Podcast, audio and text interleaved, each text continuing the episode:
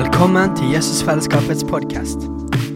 Vi håper budskapet i dag vil velsigne deg i din vandring med Gud. Og om du vil ha mer informasjon om menigheten, kan du gå inn på jesusfellesskapet.no.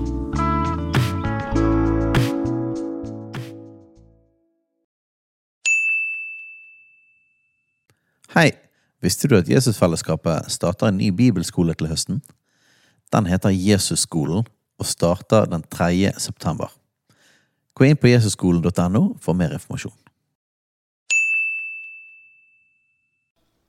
Jeg pleier jo ofte å begynne med en vits, jeg, da. Så, men ta det med ro, dette er en veldig kristen vits. Den handler om en biskop. Eh, så Biskopene i Den norske kirke de er jo på noe som heter visitas. Da besøker de altså en, en, en av menighetene i Den norske kirke og, og, greier og greier. Og så var det For mange år siden så var det da en biskop som skulle besøke et sogn et sted. Og da skulle han jo selvfølgelig bo i presteboligen, som var en stor, fin, gammel, staselig prestebolig. Men øh, denne prestefamilien hadde veldig mange barn. Så det var litt sånn vanskelig det å skulle liksom putte barna sammen på rom, for mange av de lå allerede sammen på rom. Så løsningen ble at øh, biskopen fikk uh, bo på gjesterommet, hvor også lille Ole på fem år bodde. Uh, for der var det en stor, fin dobbeltseng på gjesterommet da biskopen var en sporty kar. Så han sa det er ikke noe problem. Og så når de hadde lagt seg, og biskopen nesten var i ferd med å sovne, så så kikker han så over på sida. 'Hvor ble det av guttungen?' Han, han, han, var ikke i senga. Og så, og så han, så, så, lå lille Ole på kne nede ved, nede ved, enden av sengen. Og han tenkte 'Å, kjære vene, jeg er jo biskop og allting'. Han ber jo aftenbønn, gutten, om hva slags forbilde er jeg? Så han skynder seg ned på sin side av senga og legger seg på kne. Så kikker lille Ole da over senga bort på biskopen og sier, 'Hva gjør du?' Og biskopen smiler fram tilbake. 'Jeg gjør det samme som deg, gutten min', sa han. Da gliser lille Ole og sier da blir mamma sint, for potten er på denne siden av sengen. Så sånn kan det gå. Skal vi ta en til om samme biskop? Ja, et annet sted han var på besøk, der fikk han gjesterom alene. da. Eh, men eh, også en sånn gammel, staselig prestegård. Så, så presten sa det at altså, det er mange som har klaga på at når man skal ligge og sove, her så kommer det noen sånne merkelige vesener fram som vil prøve å plage litt og sånn. Spøkelse kalte man det før. ikke sant? Dette er bare en vits, altså ikke gå inn i teologien på dette. Uh, ja da, det er ikke noe problem, sa biskopen. Så Morgenen etter ved frokosten så spør presten biskopen da, ja, gikk det greit. Det var ikke noe som plaga deg? Nei, du, det gikk veldig fint. Når jeg hadde lagt meg og bedt aftenbønn og slukka lyset, så kom det noen sånne merkelige figurer.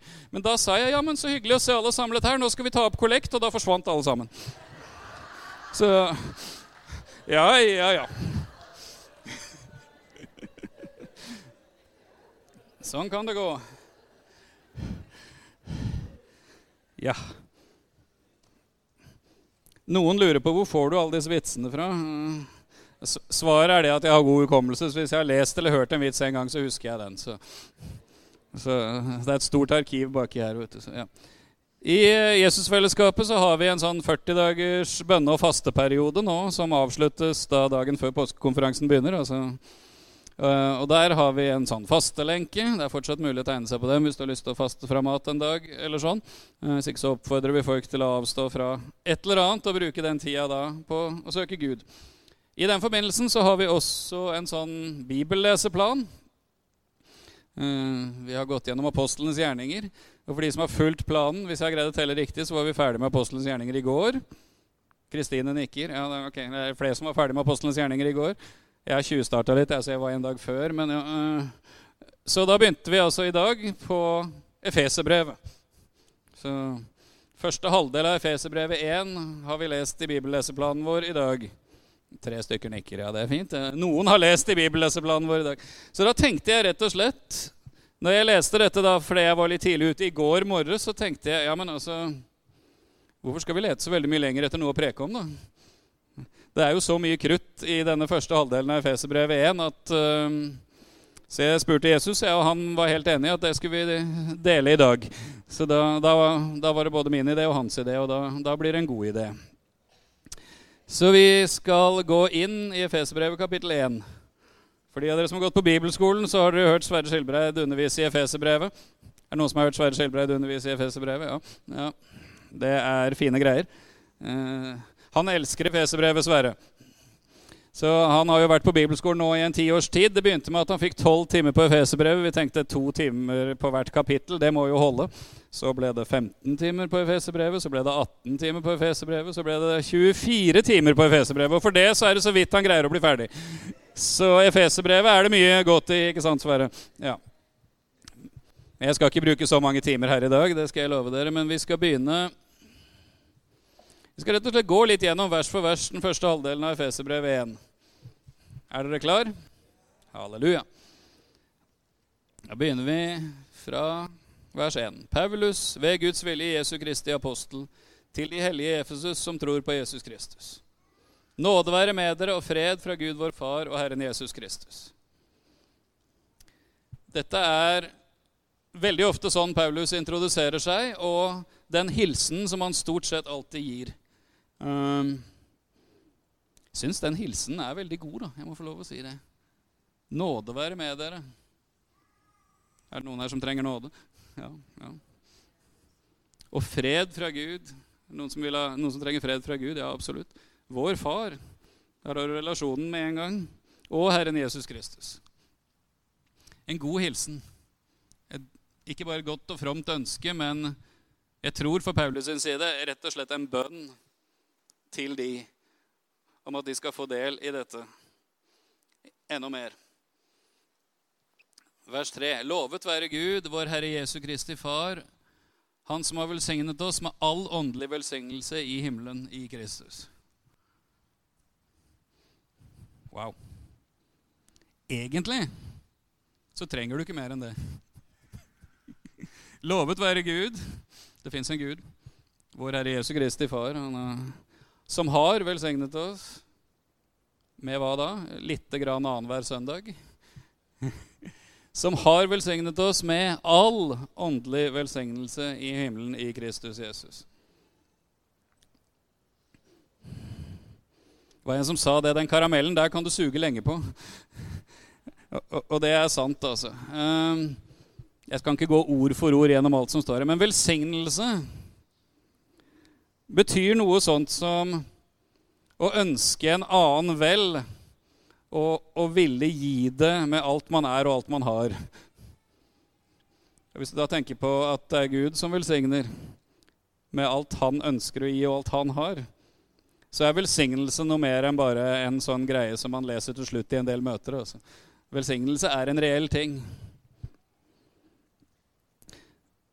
Den velsignelsen som er mest kjent, er den som gjerne kalles den aronittiske velsignelsen. Den står i Mosebøkene der. Der sier Gud til Aron, som er ypperste prest, du skal velsigne Israels barn. Og så kommer da den Herren velsigne deg og bevare deg. Herren la sitt ansikt lyse over deg og være deg nådig. Herren løfte sitt åsyn på deg og gi deg fred. Og Det er fantastisk i seg selv. Og så, og så sier Gud, for slik skal du legge mitt navn på dem. Når man lyser velsignelsen eller velsigner noen, så legger man altså Guds navn på dem. Og Guds navn betyr ikke bare Guds navn, men det representerer alt Gud er. Skal, når, vi, når vi velsigner noen, så legger vi på dem den Gud er. Derfor er velsignelse meget bra. Og hvis du er litt usikker på det Ja, men jeg er jo ikke pastor eller prest, kan jeg velsigne noen? Ja. Du er, hvis du er velsignet av Gud, så kan du velsigne noen. Det er et bibelsk prinsipp fra lenge før noen fant på både prester og pastorer. Gud sa til Abraham, 'Jeg vil velsigne deg, og i deg skal alle jordens slekter velsignes'. Gud velsigner oss, så vi skal få være velsignelse for andre. Så da kan også vi velsigne andre. Og et lite tips der. I ordspråkene står det den som sprer velsignelse, skal hva da? Trives. Ja. Så hvis du har lyst til å trives i livet, hva skal du gjøre da, ifølge det verset? Spre velsignelse. Det er noe med Vi trenger alle holdt på å si, et fokus på vårt eget liv, at Gud gjør ting i vårt eget liv. Men det er noe med i ny og ne å løfte blikket og gi og gjøre noe godt overfor andre som er sunt for oss også. Den som sprer velsignelse, skal trives. Men her er det altså Gud som har velsignet oss med all åndelig velsignelse i himmelen i Kristus Jesus. All åndelig velsignelse. Det er ikke lite, altså. Det er mer enn du kan bruke et helt liv på å finne ut av hva det innebærer, tror jeg. Egentlig kan du få lov å gå på oppdagelsesreise i alle Guds velsignelser gjennom hele livet. Og hvor er disse velsignelsene? Altså på en måte er de i himmelen. Det høres litt ut som det fins en skattkiste et eller annet sted som vi skal få når vi dør. Men egentlig så står det i det himmelske. Altså i den åndelige verden. Og hvis du lurer på ja, men er jeg i den åndelige verden, da? Ja, hvis du er født på ny, så har du fått Guds ånd. Da er du i den åndelige verden. Så da, da har du tilgang til alt dette her. Ikke bare én gang der framme, men da har du tilgang til det nå. I Kristus Jesus. Og da er jo neste spørsmål ja, men er jeg i Kristus, da? Er du det? Roald Atle er i Kristus. Han er helt enig. ja. Ok, Dere andre, da? Åssen er det med dere? Eh, er jeg i Kristus Jesus? For det er en sånn ting som mange er usikre på. Det står veldig mange ganger i Bibelen om å være i Kristus eller være i ham. Jeg tror det står syv eller åtte ganger bare i de versene vi skal gå igjennom nå. Jeg skal ikke bruke like lang tid på hvert av resten av de, altså, men vi må liksom begynne her. Eh, men da kan du lese 1. Korinterbrev, kapittel 1, vers 30. 1. kor 1, 30. Bare for å avklare dette med å være i Kristus.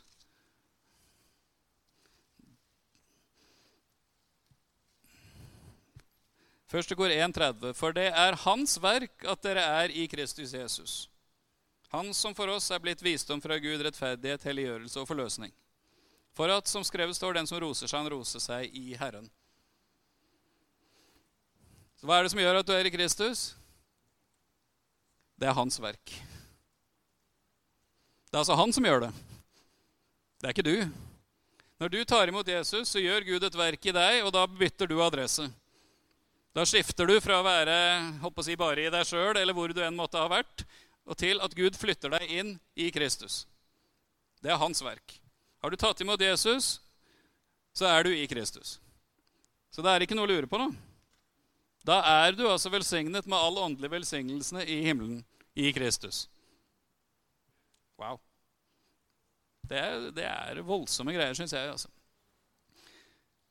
Og så fortsetter jo Paulus da med vers 4 her. For i ham, altså i FS-brevet 1, for i ham, altså i Kristus, har han utvalgt oss før verdens grunnvoll ble lagt.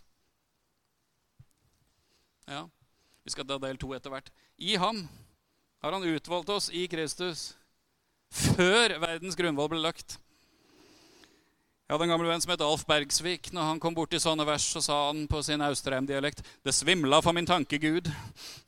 Og, og dette er altså noe som Du ser det står der, men du kan jo ikke skjønne det. Som en annen venn av meg pleide å si 'Jeg begriper det ikke, men jeg griper det'. Det er to helt forskjellige ting. Altså, før alt vi ser rundt oss før sol, måne, stjerner, fjell, alt mulig. Før gravemaskinene, pleier Sverre Skibreid å si. Før altså Gud begynte å konstruere. Før noe som helst av det som ble til, var til av det vi kan se i denne verden, var du utvalgt i Kristus. Wow. Det vil altså si, før Gud skapte verden, så tenkte han på deg. Ikke, ikke, spør meg åssen han klarte det, men han gjorde det. Jeg var eh, i min barndom og tidlig ungdom eh, Det kanskje syns på meg ennå ikke spesielt god i idrett. Eh, jeg vet hva det vil si å være den som ble valgt sist når man skulle velge lag for å spille fotball. Ikke bare én gang, men mange ganger. Gjorde ikke så veldig mye av det, for jeg syntes ikke det var så veldig gøy å spille fotball. Uh, det var andre ting som var gøy, altså for all del, så det var ikke noen forferdelig barndom. Men alle som har hatt den følelsen av å bli valgt sist Her sånn ble vi alle valgt først. Vi var førstevalget lenge før noe som helst annet. Du er Guds førstevalg. Han ville ha deg. Han skapte faktisk deg fordi han ville ha deg.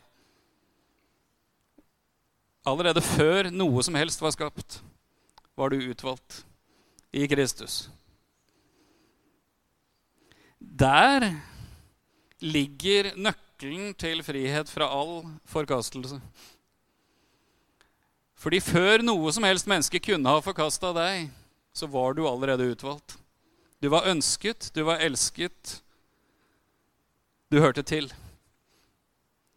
Det er ikke nok å bare vite det, kan trenge litt legedom for å få det på plass på innsida. Men nøkkelen ligger der.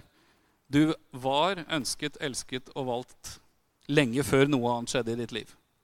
Det gjelder alle mennesker. I Kristus blir det så sant. Og hva utvalgte han oss til? At vi skulle stå hellige og ulastelige for hans åsyn. Wow. Hellig det betyr ikke at du ser litt ekstra kjedelig ut og ikke kan gjøre noe som er gøy. Det var det jeg trodde når jeg vokste opp. Det var snakk om, var snakk om noen eldre mennesker. Det var snakk om noen eldre mennesker i menigheten som jeg vokste opp i. Liksom. Det var noen som sa ja, han er en hellig mann. Jeg så aldri han smile, tror jeg. Ja, eller Det der er en hellig familie, og de, de så veldig alvorlige ut alle sammen. Så jeg må bare innrømme det. Hvor mange, mange, har tenkt litt sånn Hellig, det er sånn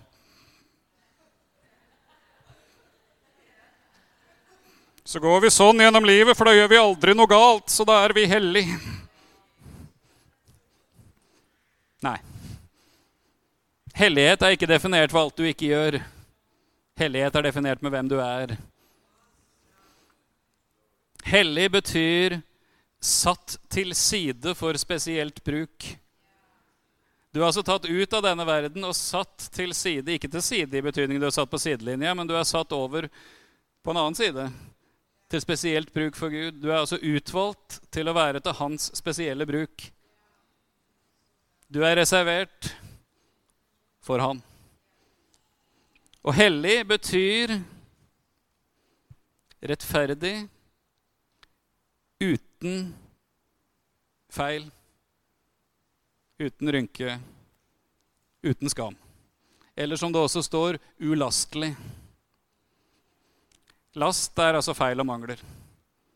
Men når du er utvalgt i Kristus, når du har gitt livet til Jesus, så er du også utvalgt i Han til å innenfor Gud stå uten feil, uten mangler, uten skam. Ja, men, sier du, det føles jo ikke sånn bestandig. Nei, men det er sant i ham. For det om det ikke føles sånn. Og han jobber i deg for at det mer og mer skal være sant i hele ditt liv. at det blir sånn. Men i han så er det sant. Og ulastelig betyr også ustraffelig. Ustraffelig. Noen som har fått straff noen gang? Det var ikke så mange ganger, men den gangen jeg hadde naska på butikken da jeg var ti år, da, ja, da la min far meg over kne og ga meg et par klaps, han fikk så dårlig samvittighet etterpå at jeg fikk mye lørdagsgodt den kvelden. For han, for han var veldig varmhjerta mann, min far. Men, men da syntes han at nei, nå måtte han statuere et eksempel, for sånt skulle vi ikke gjøre. Jeg tror ikke jeg, tror ikke jeg lider noe med en av det. altså. Uh, men veldig mange kristne mennesker de tenker at Gud også er sånn. Så lenge jeg bare gjør sånne småsynder, så er det greit. ikke sant? Men hvis jeg gjør noe skikkelig gale, da, da kommer Gud og legger meg over kne og gir meg en klaps. altså. Mange har tenkt sånn noen gang. Ja, jo, jo, nå, nå får jeg en klaps her. Det er bare ett problem med det. At da må Gud gå imot seg sjøl. For så vidt jeg vet, så står det Straffen ble lagt på ham for at vi skulle ha fred. Ok? Og straffen i bestemt form, dvs. Si hele straffen.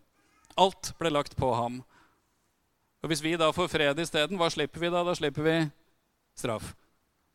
Vi er altså ustraffelige av han. For han tok straffen. I denne verden så kan vi måtte leve med resultatet av synd både titt og ofte, både vår egen og andres. Men i forhold til Gud og straff så er det ikke sånn. Og det er vesentlig. Gud elsker deg like høyt også når du har prestert på ditt verste. For han har betalt prisen. Amen. Så står det videre i kjærlighet har han forutbestemt oss til å få barnekår hos seg ved Jesus Kristus etter sin frie viljes råd. I kjærlighet. Gud er kjærlighet, så det han gjør, gjør han i kjærlighet. Og han er også forutbestemt. altså Da er vi tilbake til før verdens grunnvoll ble lagt. Ikke bare er du utvalgt, men du er bestemt da, altså, til å få hva da? Barnekår. Det er et sånt gammelt uttrykk.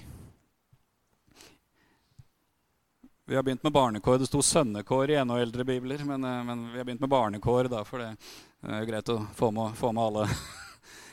Både herrer og, herrer og, damer inn i det. Eh, barnekår, det betyr at du har fått retten til å kalle deg Guds barn. Alle dem som tok imot ham, dem ga han rett til å kalles Guds barn. De som tror på hans navn, står det i Johannes 1,12. Og barnekår er en tilstand. Du har gått fra å være en som ikke var i familie med Gud, til å bli i familie med Gud i forhold til nær, personlig familierelasjon. Du er i familie med Gud fordi du er skapt av Han. Men gjennom barnekåret så får du lov å komme helt inn i familien. Du får lov å komme hjem, for å bruke den bortkomne sønn. Det som egentlig står, er at du har blitt adoptert.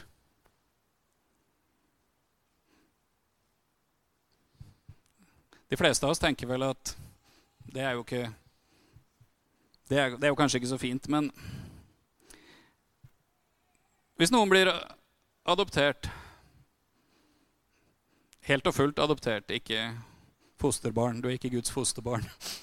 Så vil det si at du blir tatt fra der du var, og så hører du helt og fullt til i en ny familie. Du har samme rettigheter, samme plikter, overfor den skyld, men du har samme posisjon som de andre i den familien. Da er du adoptert. Det vil altså si Du har gått fra en familie til en annen familie. Hvis ikke du visste det, den familien du var i før Det kalles faktisk djevelens barn. altså Vi tilhører dessverre ikke bare oss sjøl før Jesus kommer inn i bildet i våre liv. Vi tilhører en som ikke det er så veldig godt å tilhøre, for å si det sånn. Og når vi gir livet vårt til Jesus, så kommer vi inn i originalposisjonen, inn i den stillingen vi var skapt til og ment å være. Og da går vi fra en forferdelig familie og over i Guds familie. Med alle rettigheter det innebærer. Og det er viktig. Din adresse er at du er et Guds barn. Og det er ikke noe som forandrer seg. Hvis du har en dårlig dag, så er du like fullt et Guds barn. For det har med det Gud har gjort for deg gjennom Jesus, å gjøre. Og Gud er din pappa, og du kan få erfare hans kjærlighet, anerkjennelse og bekreftelse hver dag. Den gamle vekkelsesforkynneren Frank Mangs, noen har kanskje hørt om han hvis de er gamle nok, sto i vekkelse mange steder i Skandinavia. Han ble, han ble mange og 90 år. På slutten av sitt liv så ble han spurt hva er det største du har opplevd i ditt liv. Og Den som spurte, tenkte nok på liksom, stå i vekkelse i månedsvis, hundrevis, tusenvis av mennesker blir frelst. Frank Mangs tenkte seg ikke om en gang. og sa det finnes ikke noe større enn det å få lov å være et Guds barn. Og det er sant. Alt annet er bare frynsegoder ut fra det. Det å få lov å være et Guds barn, det å ha fått barnekåret det er det største. Og det er faktisk, hvis vi går videre til vers 6, til pris for Hans nådes herlighet som han ga oss i den elskede. Det at vi er Guds barn, det at vi lever i fylden av det å være Guds barn, at vi er hellige, ulastelige, ustraffelige, at vi er velsigna med all åndelig velsignelse i Kristus Jesus, det gir Gud mest ære. Mm -hmm. ja, dere fikk ikke med dere det. Det at du er Guds barn, at du er hellig, ustraffelig Du er alt det Jesus har, har, gitt deg, det Gud har gjort for deg. Du har fått del i all åndelig velsignelse i himmelen. Det gir Gud pris og ære mer enn noe annet. Hvordan det? Ganske enkelt, tror jeg, fordi hvis vi lever i fylden av det, så blir andre mennesker nysgjerrige på det livet vi lever. Ikke fordi jeg står på ethvert gatehjørne og deler ut traktater, selv om du må gjerne gjøre det. jeg er ikke noe imot det. Ikke fordi vi banker på alle dører i nabolaget, eller et eller annet, men fordi det faktisk er slik at det livet Gud har gitt oss, det lekker ut av oss. Og det gir han pris og ære på en helt annen måte enn alt vi kan prestere og prøve å få til for å gjøre det. Identitet foran aktivitet vil jeg påstå at det står her. Og i ham har vi forløsningen ved hans blod, syndenes forlatelse etter hans nådes rikdom. Dette, første delen av Efeserbrevet er litt sånn som eh, Nå skal jeg kanskje bruke et litt dumt bilde. Har noen av dere sett sånn TV-Shop-reklame noen gang? Uansett hva de reklamerer for der, så er det jo helt fantastisk. Det er det jo ikke, da, men de sier det. Og, og alltid så er det jo noe ekstra, ikke sant? Sånn at de forteller hvor fantastisk dette produktet er, og så går de videre til Og ikke nok med det! Du får også! Og så går de videre. Og ikke nok med det! Altså, dette her er en sånn, ikke sant? Paulus begynner med noe som er helt fantastisk, og det hadde egentlig holdt det, men så fortsetter han da med Og ikke nok med det, og ikke nok med det. Så i ham har vi også forløsningen ved hans blod, syndenes forlatelse, etter hans nådes rikdom. Du skjønner, det er kanskje en av de tingene som er vanskeligst i kristenlivet, men som er veldig viktig. Det er det å forstå det at du er hellig og ulastelig, men du trenger syndenes forlatelse også. Mm -hmm. For det, det, hender det er forskjell på den du er, og det du gjør. Gjør ikke det, da? Du er hellig, ulastelig, ren og rettferdig, himmelen og verdig. Men det, det er ikke alltid vi gjør etter det. Er det det, da? Hvis vi skal være helt ærlige? Ikke alltid. Nei. Men da har vi forløsningen i ham ved hans blod, syndenes forlatelse. Det vil si, du er aldri mer enn en bekjennelse unna tilgivelse. Dersom vi bekjenner våre synder, er han trofast og rettferdig, så han tilgir oss syndene og renser oss fra litt urettferdighet, all urettferdighet. Du er bare én bekjennelse fra syndenes forlatelse. Uansett hva du har gjort. Forløsningen er et interessant ord. Det, høres, det er mye mer interessant på norsk enn på svensk. For forløsningen på svensk betyr noe helt annet. Jeg bare, jeg bare ser på Patrick og Kristine, som er svensken her. Forløsningen er jo barnefødsel, altså, så ja. Så, så, uh, Forløsning. I, I, noen gamle oversettelser så sto det 'frikjøpelsen'. Og det er det som ligger i ordet her. Å bli kjøpt fri. Uh, dette forteller jeg bibelskoleelevene hvert år, men det skal jeg fortelle dere det òg. Ikke sikkert alle dere har gått på bibelskolen. Uh, vi tror at uttrykket 'gjeldsslave' er et moderne uttrykk. Ikke sant? Når gjeldskrisa kom på 80-tallet og begynnelsen av 2000-tallet, så snakker vi om gjeldsslaver. Det er et uttrykk fra Det nye testamentets tid. Fordi hvis du hadde nok gjeld til at du ikke greide å betale den, selv når alt du eide, var solgt Ouch. Da hadde du bare én verdi igjen å selge, og det var deg sjøl.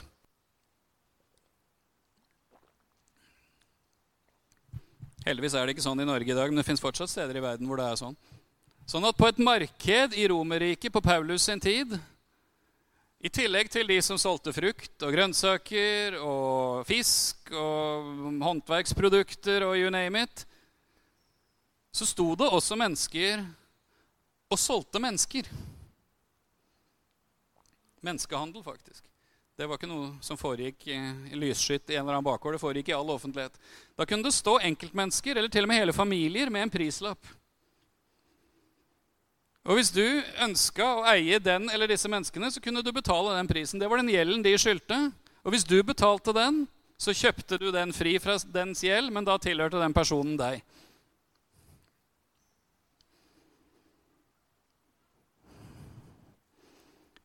Hvis vi skal ta det som et litt sånn åndelig bilde, selv om det er praktisk Du og jeg sto på en markedsplass med en prislapp rundt halsen.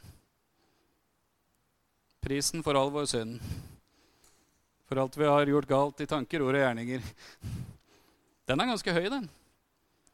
Syndens lønn er døden. Det som kunne skje på en sånn markedsplass en sjelden, sjelden gang, var at det kom f.eks. et rikt menneske forbi som så en familie, mor, far og tre barn, som sto der, og fikk veldig hjerte for disse menneskene og syntes inderlig synd på dem. Så vedkommende betalte da prisen, men satte de fri. Det er Bibelens frikjøpelse. Jesus kom, han betalte prisen, og han satte fri. Det er forløsningen.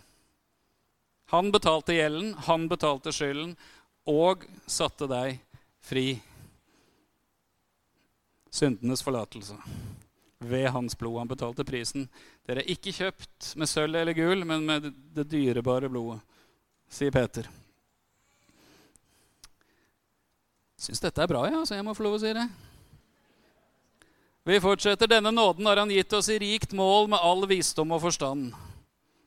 Gud er ikke gjerrig.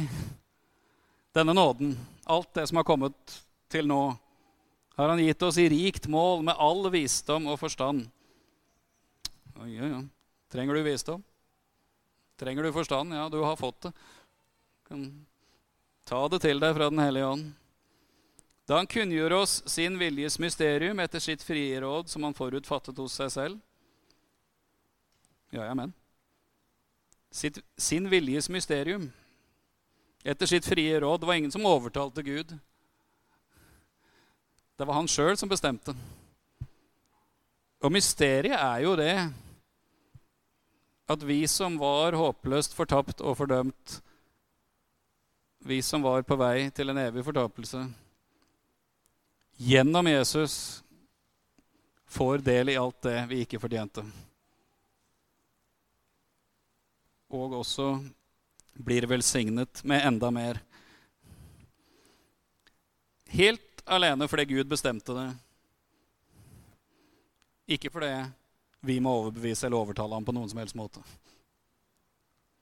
Du slipper å vri armen rundt på Gud for å få del i hans nåde og velsignelse. Gud er ikke gjerrig. Han er rik, og han gir i rikelig mål om et frelseshushold i tidens fylde og samle alt det etter Kristus, både det som er i himmelen og det som er på jorden. En husholdning, ja. Altså en tidshusholdning. Vi lever i frelsens tid. Og når tiden var inne, sendte Gud sin sønn og ga oss del i alle disse tingene. Og Guds plan og Guds vilje videre er å samle alt som fins, i ham. Både det som er i himmelen og det som er på jorden. I Jesus møtes himmel og jord. Og Hvis du har tatt imot Jesus, da, så møtes himmel og jord i deg. Noe her ligger selvfølgelig i den endelige enden og alt det. Men det er noe som allerede har skjedd. I Jesus møtes himmel og jord, også i deg. Du er en borger av denne verden, men du er også en borger av himmelen. Og himlenes rike er ikke bare der oppe. Himlenes rike er inni deg og har kommet nær. Fantastisk. Vers 11. I ham har vi også fått del i arven etter at vi forut var bestemt til det, etter hans forsett som setter alt i verk etter sin viljes råd. Du har fått del i arven. Hm. Arv er en fin ting, er det ikke det? Jo, det pleier å være det. Jeg har ikke arva forferdelig mye, men de gangene jeg har arva, så har det vært hyggelig. Altså, jeg må få lov å si Det eh, Det er en positiv ting å, å, å arve. Og hva har du arva? Hvis du er Guds arving, så har du vel da arva alt som er Guds. da. Men arv det får man jo ikke før noen dør. Nei, riktig. Han døde. Og er Guds arving, og vi er Kristi medarving. Vi har fått del i den samme arven som det Jesus har. Det er litt. Mer enn litt. Det er veldig mye. For i 1 vers 12 at vi skulle være til pris for Hans herlighet, vi som forut hadde håpet på Kristus. Jo mer du lever i det Jesus har gjort for deg, lever i den Gud er, lever i den du er på grunn av den Gud er, lever i din identitet, identitet som Guds barn, jo mer er du til pris for Han. Her er et sånt område hvor du har lov til å være så grådig som du bare vil. Altså. Her kan du prøve å forspise deg. Det kommer du aldri til å klare. Du skal få lov å ta til deg alt Gud har gitt deg. Så mye du vil. Og hvis du skulle lure på hva Når vi først snakker om arv her, ikke sant eh, Som regel når det er snakk om arv, så er det jo et testamente.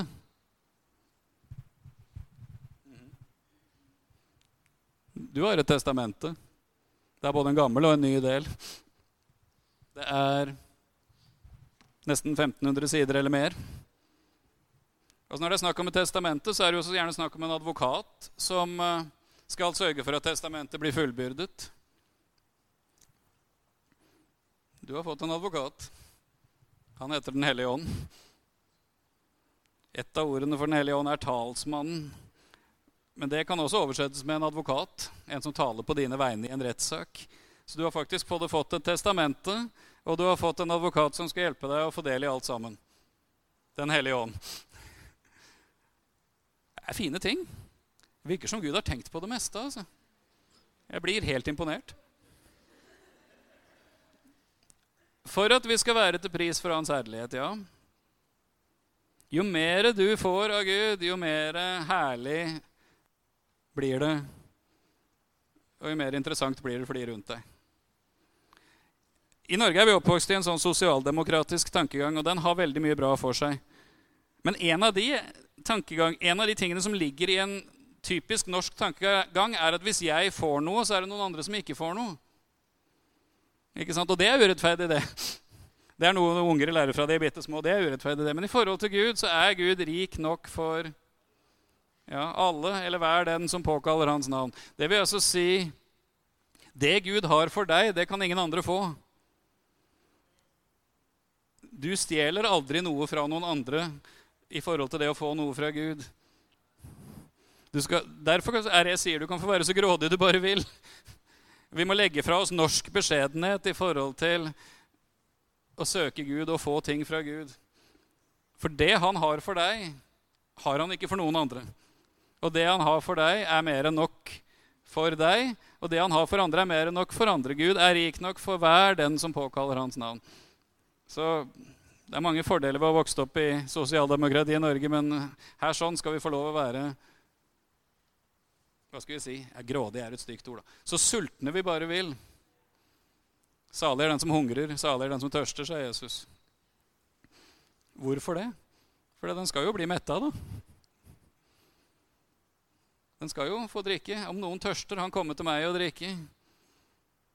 Og den skal, som Skriften har sagt fra hans indre, skal det renne strømmer av levende vann. Det er lov å være sulten og ha lyst på mer og søke Gud for å få det. I ham har også dere, da dere fikk høre sannhetens ord, evangeliet om deres frelse, ja, i ham har også dere, da dere kom til troen, fått til innseil Den hellige ånd, som var lovt. Mm.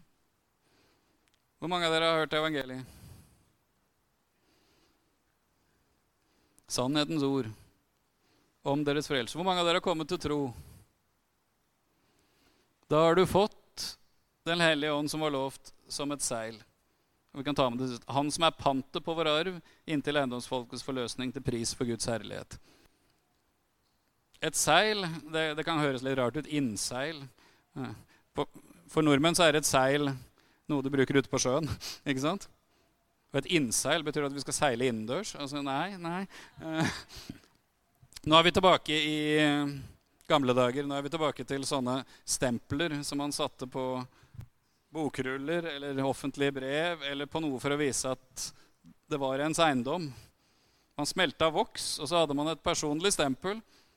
Så man trykka ned i det, og så sto da det symbolet som representerte personen. Dette tilhører meg. Du har altså fått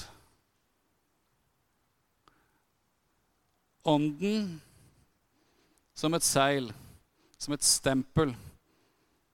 Denne er min. Denne tilhører meg. Denne tilhører ingen annen. Bekreftelsen på at alt det jeg har sagt, er sant, er at du har fått Den hellige ånd. At han bor i deg og ønsker å gi deg del i alt dette. Og han har også pantet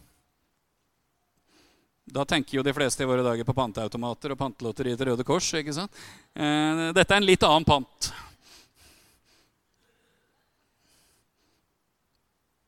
Jeg går for at du vet det. Hvor mange av dere har boliglån? Ikke, ikke rekk opp hånda. Ikke, det, det, er en personlig ting. Men, men jeg har i hvert fall boliglån. Og den eneste grunnen til at jeg og min kjære kone fikk boliglån, er at den leiligheten vi kjøpte, er pantet for det lånet. Altså det vil altså si sikkerheten og garantien for lånet. Du har fått Den hellige ånd som sikkerheten og garantien for at alt det Gud har gjort gjennom Jesus, er ditt. Det tilhører deg. Det kommer alltid til å tilhøre deg. Og du er på vei dit du skal. Han er garantien for det du har fått. Og det er atter igjen da til pris for Guds herlighet. Hvis det er to ting du skal huske fra alt det jeg har sagt i dag, så er det i Kristus Det er tre ting, da. I Kristus, barnekår, til pris og ære for Hans ærlighet. Du trenger egentlig ikke mer enn det. Du trenger egentlig ikke mer enn det for å få del i alt det Gud gjennom Jesus har gjort for oss. Men du får jo så uendelig mye mer. Jeg har sagt det et par ganger. Eh, jeg tror egentlig du kunne brukt resten av ditt kristne liv på et bibelstudium av de versene her og be Den hellige ånd om å åpenbare alt det de betyr. Og jeg tror ikke du ville bli ferdig før din tid var over. Ikke fordi du er dum, men fordi det står så mye, og det er så rikt, at det ikke Jeg tror ikke det er teknisk mulig å bli ferdig. Men vi kan prøve. Det er lov å prøve. Og det aller viktigste i alt dette er Alt dette har Gud gjort gjennom Jesus, og alt dette har du fått ta imot. Alt dette beskriver den du er, ikke det du gjør. Dette er frihet fra å prøve å gjøre et eller annet for å gjøre Gud fornøyd. For han er allerede fornøyd. Dette er frihet fra å prøve å få til et eller annet for å være god nok, for du er allerede god nok pga. det han har gjort. Dette er frihet fra å sammenligne seg med alle mulige andre. For Gud er rik nok for hver den som påkaller hans navn. Og dette er frihet til å leve til pris og ære for hans herlighet. Og alt folket sa amen. All right. Hei, alle sammen. Det er Katrine og Steinar Lofnes her. Vi er hovedledere for Jesusfellesskapet. Så kjekt du har lyttet til denne podkasten. Har du forresten hørt noen av de andre podkastene våre? Ukens tale, Disippelskolen, Hyrdepodden, Kulturkrigen og Mammas hjerte. Du finner disse podkastene på Spotify, Apple Podkaster og på nettsiden vår jesusfellesskapet.no.